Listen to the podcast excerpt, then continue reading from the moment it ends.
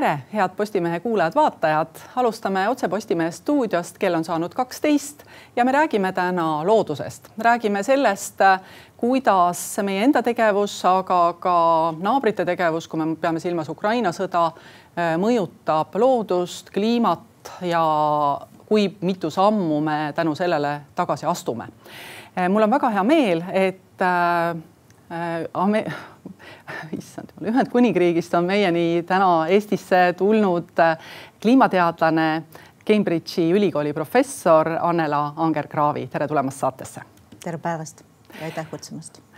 no kuidas äh, teiega on, et kas äh, võiks arvata, et nüüd aastal kaks tuhat kakskümmend kolm hakkate te Eestis käima sagedamini, sest äh, teie igapäevane töö käib Eestist väljas, sest on tulnud uudiseid, et Tartu Ülikool on otsustanud anda teile või kutsuda teid siis professoriks, mis on rahastatud väliseestlaste stipendiumiga ja, ja mis on siis need tegevused, mida te Eestis plaanite ellu viia? Ja tõepoolest, et mul oli au siis saada äh, väliseesti külalisprofessori stipendium, mis on siis jah, tõepoolest rahastatud väliseestlaste poolt põhiliselt ja mis siis võimaldab mul ühe semestri siis tihedamini Eestis käia ja teha koostööd siis Tartu Ülikoolis, Küte instituudi ja majandusteaduskonnaga.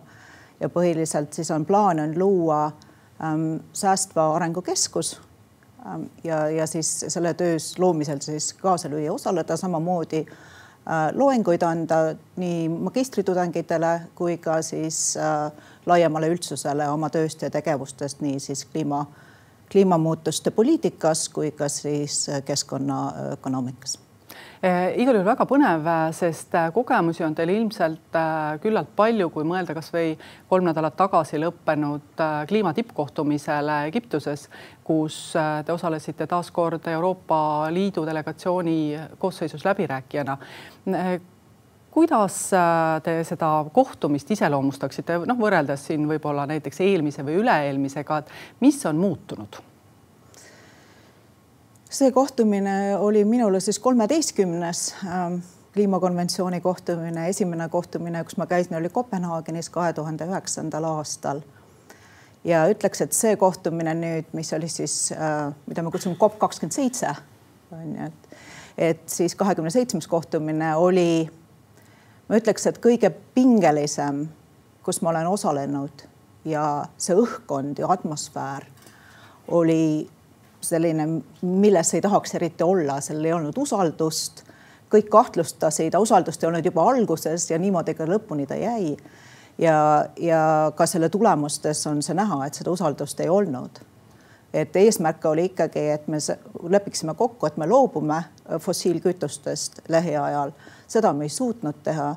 mida me ka suutsime positiivselt teha, oli leppida kokku, et me loome siis uue fondi mis peaks siis aitama neid riike, eriti väikesaari, kes kann kannatavad juba praegu kliimamuutuste poolt tekitatud kahjustuste all. Ehm, no ma saan aru, et selle fondi loomise detailid selguvad nüüd äh, tõesti, ütleme järgmisel aastal, järgmisel kohtumisel ja praegu hakkab käima ettevalmistav töö. aga millest need pinged, äh, kui te paari sõnaga püüate avada, et millest need pinged, kas siin äh, on taga ka siis tõesti see praegune Ukraina sõda või on, või on meil ikkagi küsimus selles, et ega Pärsia lahe riigid ei taha ju ka niisama lihtsalt panna oma pilli kotti ja hakata tegelema hoopis millegi muuga eks see ole nüüd kombinatsioon kõigest sellest, mis te just ütlesite. Et on see geopoliitiline olukord kindlasti ähm,, probleemid toidujulgeolekuga, probleemid energiajulgeolekuga, aga ka siis sellega, et, et osad riigid peavad väga kiiresti muutma oma majandust, loobuma siis nende oma põhisissetulekuallikatest äh,, mitmekesistama oma majandustegevust ja siis tekibki see, et kes, millal ja kuidas, seda, mida me tegema peame, seda me teame, seda ütleb meile teadus väga selgelt, valitsustevaheliste kliima, valitsustevaheline kliimamuutuste paneel ehk siis IPCC. Nende viimased raportid, mis siit tulid välja sellel aastal, ütlevad väga kindlalt, et kliimamuutused on teaduslik fakt ja et selleks, et kõige hullemaid tagajärgi ära hoida, tuleb soojenemist, ülemaailmset soojenemist piirata ühele poolele kraadile. see on siis keskmine soojenemine see muidugi ei tähenda, et vahel on külmemaid talve, talvi, vahel on soolema, soojemaid talvi ja, ja, ja nii edasi, aga nüüd see küsimus, mis on see põhiline, mis tekitab sellist pinget, on see, et kuidas, eriti praeguses olukorras, kuidas me seda teeme, kes kui palju teeb, kes mille eest maksab? Ja nii edasi, noh siis see rahastuse detaile hakatakse kokku leppima, kuidas me rahastame neid kahjude heastamist samamoodi loodi ka sellel konverentsil õiglase ülemineku tööprogramm, mille detaile me ka samuti hakkame siis kokku leppima juunikuust alates. et, et see õiglane, see üleminek peaks olema õiglane nüüd äh, vähese süsinikusisaldusega või süsiniku sisaldusega või kuidas ütelda majandusele ähm, peaks olema siis õiglane, kedagi ei tohiks siis jätta kõrvale või nii-öelda kannatama. Aga kuidas me seda teeme, see käib nii riikide vahel siis kui ka, ka inimeste kohta, et kuidas me siis, kuidas me seda teeme, et kuidas me teeme nii, et, et, et kõik, keegi ei kannataks. no võib-olla ma selle kliimamuutuste ühe sellise märksõnana tooksin lauale praegu liustikud, sest ähm, kui ütleme nii, et tõesti võib-olla on tavalisel inimesel äh, keeruline jälge pidada, et noh, praegu ka ilus talveilm ja lumekene sajab ja, ja mis selle kliimaga siis nii väga viga on, siis äh, liustike sulamine, et äh, kas me oleme jõudnud praegu sinna punkti, et tagasiteed nüüd mingi aeg ei ole noh, ütleme meie eluaegadel, et liustikud lihtsalt sulavadki ära no kõik liustikud ilmselt ei sula ära, et äh, aga kas liustike sula, sulamine on kiirenenud kaks korda viimase kahekümne aasta jooksul. ja iga aasta sulab umbes alla, natuke alla kolmesaja gigatonni jääd liustikel. mis tähendab? no võtame, kui Inglismaase, kust mina tulen, et, et, et see tähendaks seda, et iga aasta võiks panna, kui see jää ära sulab, see on kahemeetrine kahemeetrine veekiht Inglismaal, nii et seda on suhteliselt palju. miks see oluline on? kolmandik äh, tarbeveest, mageveest saadakse liustikest. ja siis, kui need sulavad, siis need inimesed, kes sõltuvad sellest, eriti Himaalaya mäestikus, on ilma veeta ja sellepärast on hästi oluline ja see on nüüd jah, äh, kiirenenud see sulamine. osa liustikke on juba sulanud ja need seda enam lähiajal tagasi ei saa nii et eks me räägime siis tegelikult äh, mitte nendest inimestest, kes elavad seal Tiibeti kiltmaal, vaid rohkem ikkagi nendest, kes elavad siis juba seal Kagu- ja Lõuna-Aasias, kuhu ja. need äh, jõed siis välja voolavad. jah. No kui äh, Äh, olete pidanud ka ilmselt äh, lugematu arv äh, siis kordi seletama ka seda, et tõesti see, see kliimamuutused, noh, isegi kui me vaidleme selle üle, et kui suur on nendes inimese roll, siis igal juhul need toimivad. kas teiste riikide, need skeptikute juhid, teiste riikide juhid põhimõtteliselt seda fakti tunnistavad, et tõepoolest kliima muutub ja midagi peab ette võtma, sest no tõesti Pärsia lahe riikides ilmselt suved muutuvad järjest kuumemaks ja järjest kuivemaks.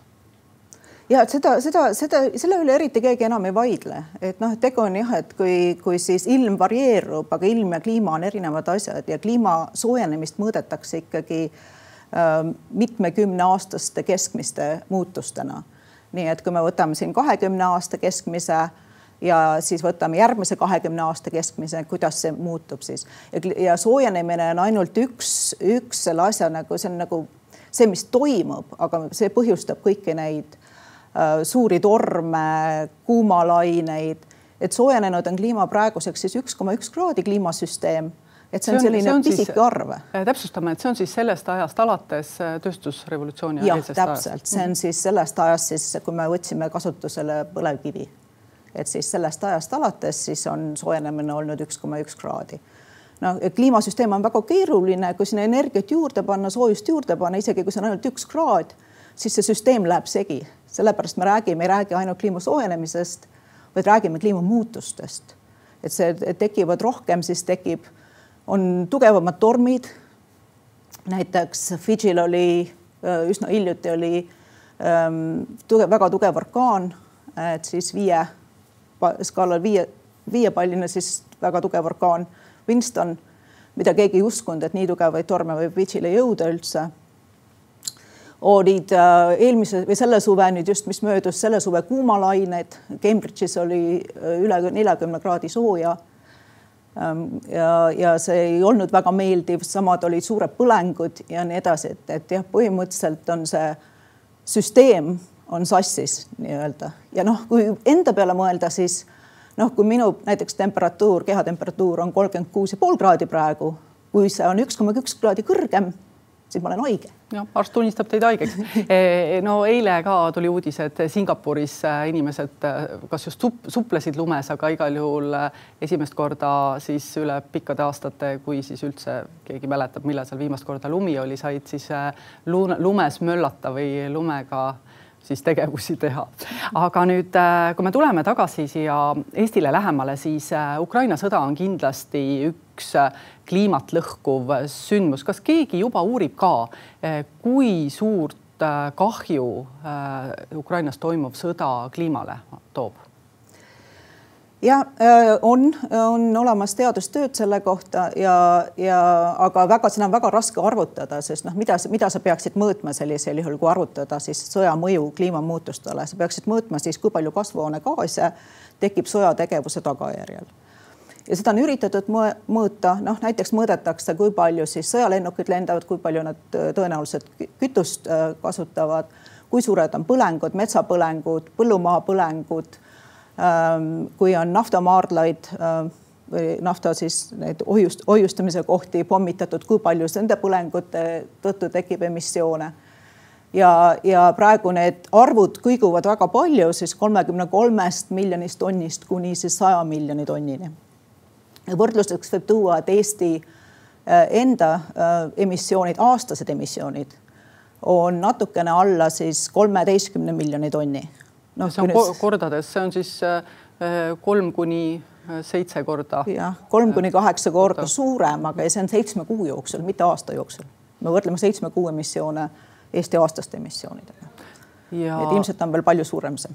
ja kui me nüüd püüaksime noh, tõesti olla optimistid, öelda, et äh, äkitsi on meil äh, järgmiseks suveks äh, suurem sõjategevus ühel pool, et kui palju kulub loodusel üldse aega, et taastuda sellest kõigest, mis seal Ukrainas juhtunud on?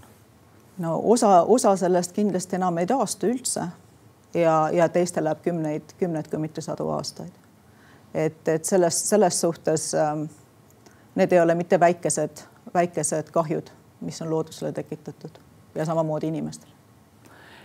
Äh, mõtlema panev küll, kui me nüüd äh, läheme veel äh, vaatame neid rikkamaid riike, kes täna Ukraina sõda toetavad selles mõttes, et Venemaa agressorriigina paika panna ja ikkagi Ukraina võidule aidata, siis selge, et selleks kulub ka nendel raha ja, ja tänu sellele ka, et energiahinnad on tõusnud, on ka Eesti asunud põlevkivi taas rohkem kaevandama ja ka, ja ka elektrit sellest rohkem tegema ehk seda põletama.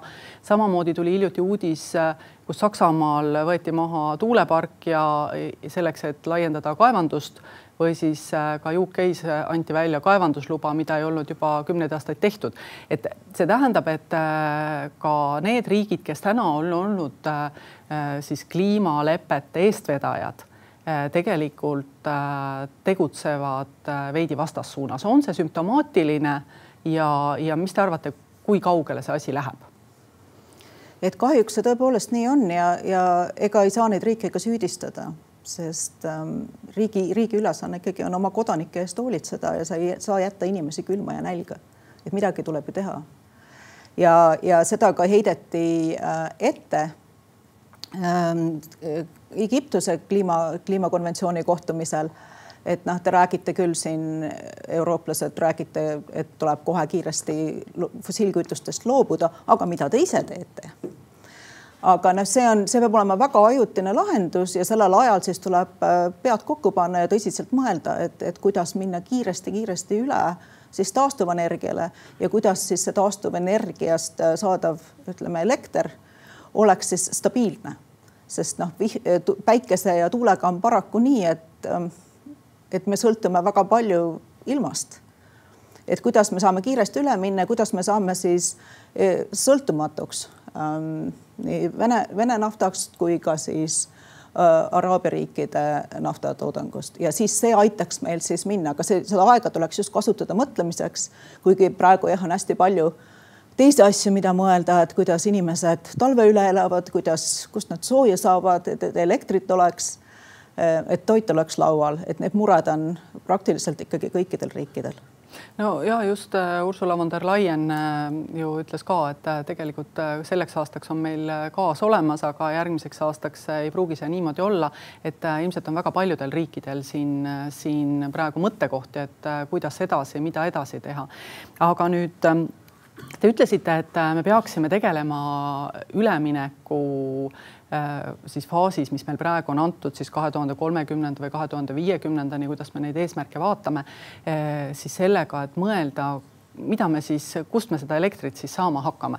meil justkui on laual äh, palju mahutavad akud, meil on laual vesinikutehnoloogiad, aga neid ei saa veel kasutada, et, et kuidas nende osas töö käib, kas seal on piisavalt teadusraha, sest noh, inimesed ju on nutikad ja, ja pole kahtlust, et kui on aega ja raha, siis nad mõtlevad need asjad välja no seda raha oleks alati rohkem vaja ja raha ei ole mitte vaja asjade väljamõtlemiseks, et raha oleks vaja asjade katsetamiseks. Sest palju see asju, paljud asjad töötavad laboris väga väikses, väikses mahus. aga kui neid viia nagu suure, teha suurelt samasugune suurtehas, mis sama asja töötab, siis ta ei tööta enam. et see katsetamine peaks tekitama nagu ettevõtetele julguse katsetada neid uusi tehnoloogiaid, nii et nad ei läheks näiteks pankrotti pärast seda või siis nad ei oleks elu lõpuni võlgades, need ettevõtjad, kes julgesid uusi tehnoloogiaid katsetada ja selle jaoks oleks tegelikult vaja rohkem raha. ja läbikukkumine peaks olema täiesti loomulik osa sellest ja selle eest ei tohiks kedagi nagu häbistada, et peaks just ütlema, et julge, proovisid ja proovi edasi. et noh, praegu on selline hirm ka väikestel ettevõtetel midagi proovida, et kui läheb valesti, siis pank küsib raha tagasi. pank küsib raha ja mis, mis ma siis teen, et ongi minu äritegevus läbi, aga siis peaks tekitama sellise äh, suuremamahulise fondi, praegu innovatsiooni ja selle katsetamiseks antakse raha, aga, aga mitte piisavalt, et me suudaks piisavalt kiiresti äh, edasi liikuda. ja kogu see äh, üleminek ähm, nüüd äh, vähese süsinikuga majandusele ei tohiks olla siis mõnede firmade eelistamine. et see peaks ikkagi olema korralikult läbimõeldud protsess ja korralikult juhitud protsess, et see ei tohiks olla selline noh juhuslik, et noh, vaatame, mis saab, kuidas, kuidas läheb, et see peab väga korralikult läbi mõtlema ja nüüd eh, Sintram projekt, mis on siis Euroopa Liidu poolt rahastatud, kus ma ka siis eh, juhin Eesti-poolset teadustegevust, ähm, ütleb seda, et tuleb kaasata kohalikud inimesed ja see ei tohi olla ainult sõnakõlks ja linnukese tegemine. et noh, me rääkisime kohalikega, vaid tõsiselt tuleb saada kohalikud enda poole, tuleb rääkida inimestega, tuleb neid kuulata ja koos tegutseda. räägime natuke sellest projektist. Äh, see on siis äh, projekt, kus äh, teie ülesanne on vaadata, mis saab sellest keskkonnast, kui juhtumisi fossiilkütuste põletamine lõpetatakse, minnakse üle teistele energiakandjatele ja, ja mis saab nendest inimestest, no konkreetselt siis Ida-Virumaal kaevuritest ja, ja ma saan aru, et on veel siis projekt, sellise projekti kaasatud veel kolm riiki, Kreeka, Saksamaa ja aidake mind järele. ja Poola. ja Poola, just, et, et kaks aastat on see projekt käinud, et, et kuhu te olete juba praeguseks jõudnud? no kaks aastat on ta jah käinud, aga, aga me olime umbes poolteist aastat olime nii-öelda ütleme, võib öelda, et varjusurmas selle projektiga koroona pärast. et see on projekt just, kus tuleb rääkida inimestega ja, ja inimestega on alati parem rääkida, kui sa lähed inimese juurde ja räägid, mitte ei kasuta siis telefoni või, või või mingit online tarkvara, millega siis nendega suhelda ja kaks aastat siis me ei saanud sisu, poolteist aastat me ei saanud sisuliselt nagu teha seda tööd. me valmistasime seda küll ette. kaks aastat on veel umbes veel minna selle projektiga. et ja mida me just nagu, mida me uurime nendes regioonides on see, et et kuidas siis üleminek ja, ja fossiilkütustest loobumine ja nende töötlemisest loobumine mõjutab kohalikke ähm,. nii mitte ainult siis kaevureid, vaid kogu, kogu seda piirkonda ja kõiki, kes seal elavad. ja mida teha, kuidas siis toime tulla? ja üks praegustest äh, tulemustest ongi just see, et, et kui me nüüd uurime seda asja, et just selle kohalike kaasamine nii kaevurite kui ka kohalike poepidajatega, inimestega, kes seal regioonis elavad, on hästi-hästi oluline.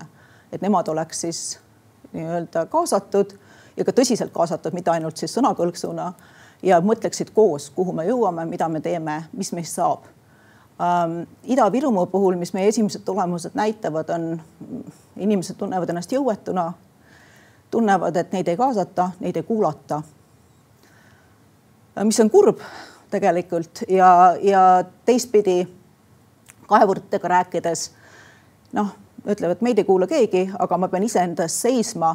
paljud tegelikult kaevuri töö kõrvalt õpivad uusi oskusi ise ja mõtlevad, mis neist edasi saab, et kus nad järgmiseks lähevad, et, et kas Soome ähm, või siis, või siis Tallinna Ida-Virumaalt või kuhu nüüd, kuhu nüüd nad lähevad. Ja kes on ära läinud, me paari kaevuriga oleme rääkinud, kes on juba ära läinud ja teevad muud tööd, ega nad eriti hästi tagasi minna ei taha, et meie arvamus oli see, et et kuna palk on hea, kaevuri palk Ida-Virumaal, et siis tahetakse tagasi minna. tegelikult ei taheta. ja nüüd viimaste intervjuudega oli just see, et inimesed küsivad, aga kuidas me talve üle elame. ja see on tõsine, tõsine mure. Ähm, just nimelt selle elektri hinna tõusuga, elukalliduse tõusuga on, on Ida-Virumaal suur mure, et kuidas ja ma usun kogu Eestis, kuidas talvel elada.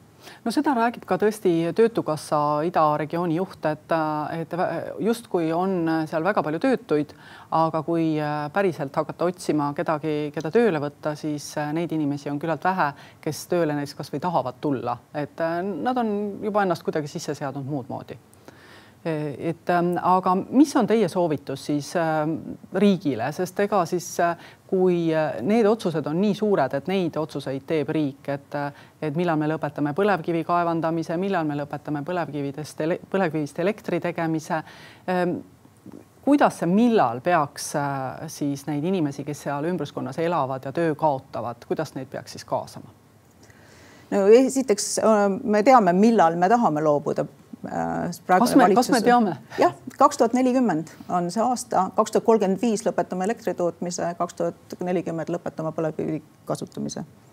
Ka õliks ja ja, ja see on meil teada, aga nüüd see, et, et kuidas neid, seda kohalikku rahvast saada nii-öelda päriselt kaasa mõtlema, vot seda, sellega tuleks rohkem tegeleda ja sellega oleks, selleks oleks ressursse vaja ja mõelda, mis sellest kogu sellest piirkonnast saab et Euroopa Liidu õiglase ülemineku fondi poolt on nüüd üle kolmesaja miljoni euro on eraldatud sellele piirkonnale üleminekuks. Ähm, selle jaoks siis kirjutatakse projekte, et seda raha saada. ja, ja kuidas nüüd, kuidas, kuidas nüüd ikkagi seda raha niimoodi kasutada, et see tegelikult aitaks seda protsessi juhtida, aitaks koos inimestega mõelda ja aitaks selles regioonis tekitada midagi mis asendaks selle praeguse siis selle põlevkivi tootmise. et kuidas mitmekesistada seda majandust ja see ei ole üldse lihtne, kogu see üleminekuprotsess ähm, nii-öelda fossiilkütuste vabale majandusele on tegelikult hästi-hästi keeruline. ja praegugi tundub, et ei ole piisavalt, ei ole noh, rahalist ressurssi, aga ei ole ka piisavalt inimressurssi, kes sellega tegeleks ja kes, kes tõsiselt siis öö, viiks meid siis sellise läbimõeldud Äh, hästi juhitud protsessini. sest noh, eesti keeles isegi see sõna rohepööre, pööre on järsk. keegi maailmas ei näe seda üleminekut kui järsku pööret. pööre on ka noh, pööre on paremale, järsku, võib ka vägivaldne olla et tuleks ikkagi mõelda, et kuidas seda protsessi enda peale ja see, see nõuab palju energiat võiksime seda siis äkki nimetada kuidagi rohekokkulepe või, või, või muutus äh, tulevikus Äh, või kuidas, kuidas teie teda kutsuksite, seda rohepööret, mis ta, mida te kasutaksite, mis? üleminek. üleminek. üleminekuprotsess või üleminek. me kasutame õiglast üleminekut kogu maailmas ja, ja ka nüüd kliimakonventsioonis järjest rohkem on, on juttu õiglasest üleminekust äh,. nagu ma siin natuke aega tagasi mainisin, on nüüd see tööprogramm tekkimisel, aga me oleme juba, vahetame kogemusi äh, erinevate riikide vahel, üritame õppida üksteiselt kuidas siis ikkagi, kuidas seda üleminekut siis teha ja kuidas seda teha niimoodi, et inimesed võimalikult vähe kannataksid. Ja see on väga keeruline. No päris nõus, sellepärast et ka riigikontrolör Janar Holm on öelnud, et meil on küll väga ilusad loosungid sellele üleminekule, aga meil on eesmärgid, tähtajad, aga meil ei ole tegelikult seda neid, äh, kuidas ma ütlen, vaheetappe või seda teekonda ära kaardistatud ega räägitud inimestele, kuidas see peaks toimuma. ausalt öeldes mina ka ei saa aru, äh, mida mina peaksin kodanikuna tegema. no kasvõi, kasvõi räägime jäätmemajandusest või räägime energiamajandusest, et, et kindlasti igalühel oleks siin oma roll. praegu väga tihti öeldakse, et äh, vot keera oma siis radiaator veidikene maha, küte keera maha, et toas on natuke jahedam ja siis me teemegi asja ära, aga tegelikult sellest jääb ju absoluutselt väheks no tegelikult seda võib ju keerata natuke vähemaks, ega kui selle energiahindade tõusuga tuleb teda siis jälle natuke rohkem keerata ja kuskil on piir. ja samamoodi on ettevõtetel, kui midagi toota, et siis kuskil on ju piir, et noh, see miinimum praeguste tehnoloogiatega, mida sa pead kasutama, et sa võid ju kõik nii-öelda kokkuhoiuvõimalused ära kasutada, aga ikkagi noh, mingi miinimum, mingi minimaalne toasoojus on ju vajalik, et, et ära, ära elada. ja vot just see ongi see, et seda, seda protsessi, kuidas nüüd see on noh kuidas me seda kogu seda protsessi siis äh, juhime, kuidas me seda teeme ja see, see ongi tegelikult puudu ja see on see, millele nüüd maailm tõsiselt mõtlema on hakanud. mida veel teha võib, on näiteks ähm, vähendada toidu raiskamist, sest äh, toidu tootmisega, kasvatamise ja tootmisega on seotud umbes kolmandik maailma ähm,, maailma kasvuhoonegaasidest. kümme protsenti ja kolmandik läheb kaotsi Äh, et kümme protsenti kasvuhoonegaasidest on seotud toidu äh, toid, tootmise ja kasutamisega. Ja, ja siis äh, kolmand- ja see ongi siis, mis see kolm, kolmandik on kaotsi sellest läheb ja siis see annabki kümme protsenti. noh, ma loodan, et ma nüüd seletasin seda piisavalt selgelt. ja, ja no kindlasti, aga ikkagi, kas te olete sama meelt, et meil Eestis ikkagi niisugust selget plaani, millest iga kodanik aru saaks, praegu ei ole? olen, ma olen sellega nõus. ja, ja seda ei saa hakata ka tegema ilmselt äh, iga kodanik eraldi või ka iga ettevõte eraldi, et selleks on vaja ikkagi äh,, kuidas ma ütlen, rahvasaadikute ja, ja täidesaatva võimu äh, siis eestjuhtimist. E, nii ta on, aga samamoodi on hästi olulised, olulised kodanikualgatused, kes siis tõmbavad sellele vajadusele tähelepanu ja, ja siis ähm, räägivad oma rahvasaadikutega siis või äh, Riigikogu liikmetega et seda neil on vaja, seda nad tahavad ja siis sealtkaudu äh, saavad hakata ka tegutsema ministeeriumid ja no,. lihtsalt on see, et väga inimlik on, et ega inimesed muutusi ei taha, isegi kardavad neid ja parem laseme samamoodi edasi ja, ja sellepärast äh, tuleb kuidagimoodi tõepoolest kaasata need aktivistid äh, võib-olla paremini, võib-olla siis tõmbavad nad kaasa ka teisi, aga lihtsalt jääda muidugi lootma, et inimesed ise muudavad maailma, et, et no ma vist väga sellesse ka ei usu, et, et mingit tõuget on ikkagi vaja. no seda näitab meie projekt ka, et lihtsalt kui jätta inimestele lihtsalt, et neid ise otsustama, ise tegema, siis nendel tekib selline jõuetuse, võimetuse tunne, et mida mina ära teha saan. et ja. ikkagi on vaja kedagi, kes siis aitaks, juhiks äh,, paneks kaasa mõtlema. jah aga teie spetsialistina, mida teie arvate, et äh, praegu meil on tõepoolest äh, siis eesmärgid, et äh, lõpetame põlevkivi põletamise mingil hetkel ja, ja samas me teame, kuhu me tahame kunagi jõuda, aga vahepeal on ilmselt tühimik ja nagu te ise ka ütlesite, et ega siis tuul ja päike meid ikkagi, kuidas ma ütlen, meil tuba soojaks ja valgeks ei tee kogu aeg. no mida siis vahepeal teha, kas ehitada tuumajaam, ehitada gaasijaam või, või teha midagi kolmandat? no parem oleks, kui praegu saaks kasutada seda, mis olemas on, võimalikult siis ähm, äh, madalat, madalate emissioonidega ähm,. ja, ja no mida praegu saab teha, on üks on siis puidujääkide kasutamine ähm, küttena, noh, see on sama, see on sama süsinik, mis on siis puidus, on see, mis on süsinikuringes looduslikus. et seda, et kui on siis puidutööstuse jäägid et seda kasutada. noh, samas jälle ütleme, see on kõik nii kalliks läinud, et ega elektrijaamad neid kasutada ei taha. teine asi on see, et et ähm, ega meil neid puidutööstuse jääke nagu väga tihti ei ole, et võetakse ka lausa palki nagu siit-sealt saab lugeda, et et, et noh, seal on nagu omad riskid, et midagi peaks olema veel, et vast ainult sellega hakkama ei saa no siis ütleme ka kasuta, praegu meil osaliselt kasutatakse ka gaasi, eks ole, aga noh, see gaasiga on jälle see, et kas Just. seda jätkub ja kust ta tuleb, et noh, kõiki võimalusi kasutada nii palju, kui praegu saab ja samal ajal siis püüda liikuda siis sellise lahenduse poole, mis oleks siis annaks selle kindluse. no väikesemahulised tuumajaamad, sellest räägitakse, noh, selle tegemine jälle nõuab, et kõik oleksid nõus, kes tahab seda omale taha, et taga aeda nagu, et noh, ei tea ju et, et mis, mis saab juhtuda või meil on igasugused hirmu ja õuduslood olemas ja ka reaalsed näited, mis tuumajaamadega juhtuda võib. kuigi praegusel ajal on olemas tuumajaami, mis on suhteliselt ohutud.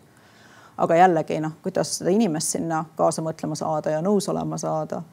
ja ka see on ka väga kallis ja see peaks jälle olema selline ajutine lahendus.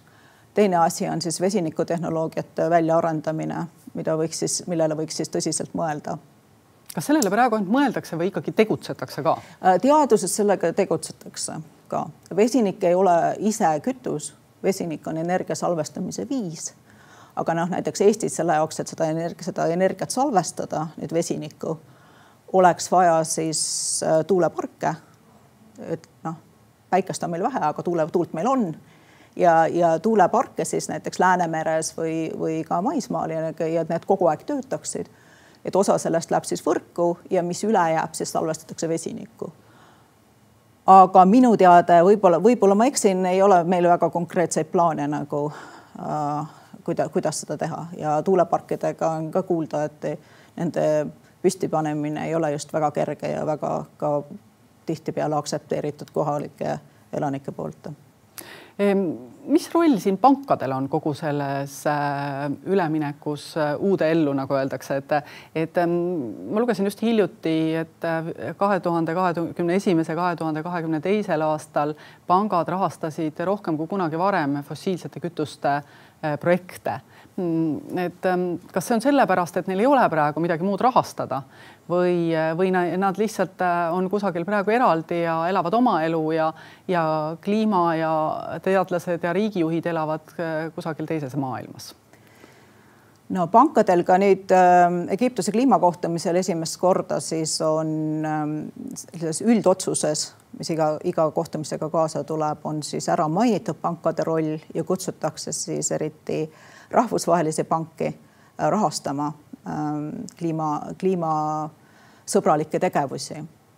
miks on suurenenud fossiilkütuste rahastamine, on kindlasti see praegune geopoliitiline olukord, et on vaja, et on vaja raha, on vaja saada energiat ja inimesi ei saa jätta külma, külma ja nälga.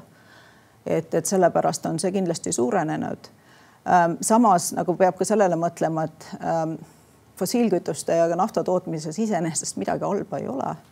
halb on ainult see, kui seda põletatakse ja muidugi on halb ka see, kui, kui plastikprügi satub merre ja mujale, aga noh, see on, see on teine teema aga natukene ikkagi vähemalt eestlasi häirib ka ikkagi see, kui nende maa üles songitakse ja, ja igal pool on need põlevkivikaevandused. jah, no eks ta ikka häirib, et, et selles suhtes. ega no, loodushoidlik ta vist ka väga ei ole, et kui me mõtleme põhjavee peale või, või selle keskkonna peale, mis no, ümber on.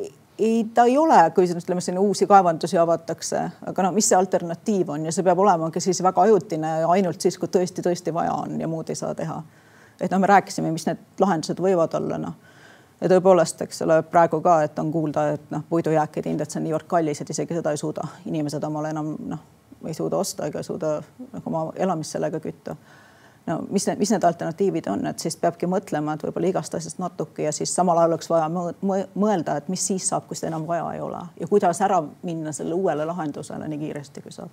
nii et äh, teadlaste mõtteid on siin praegu ikka väga tõsiselt vaja, inseneride omi ka ja, ja loodame siis, et äh, leitakse see jõud äh, ühinemiseks ja, ja raha ka, et tegelikult need projektid ikkagi kasvõi see teie veetav projekt ikkagi päriselt ellu rakenduks ja sellest mingit kasu on Äh, ma väga tänan teid saatesse tulemast, äh, Annela Anger-Kraavi ja, ja mida te ütlete lõpetuseks, äh, et mida, mis on Eestil nüüd see esimene samm, mis tuleks nüüd astuda, et mille, mille taga me praegu kinni oleme?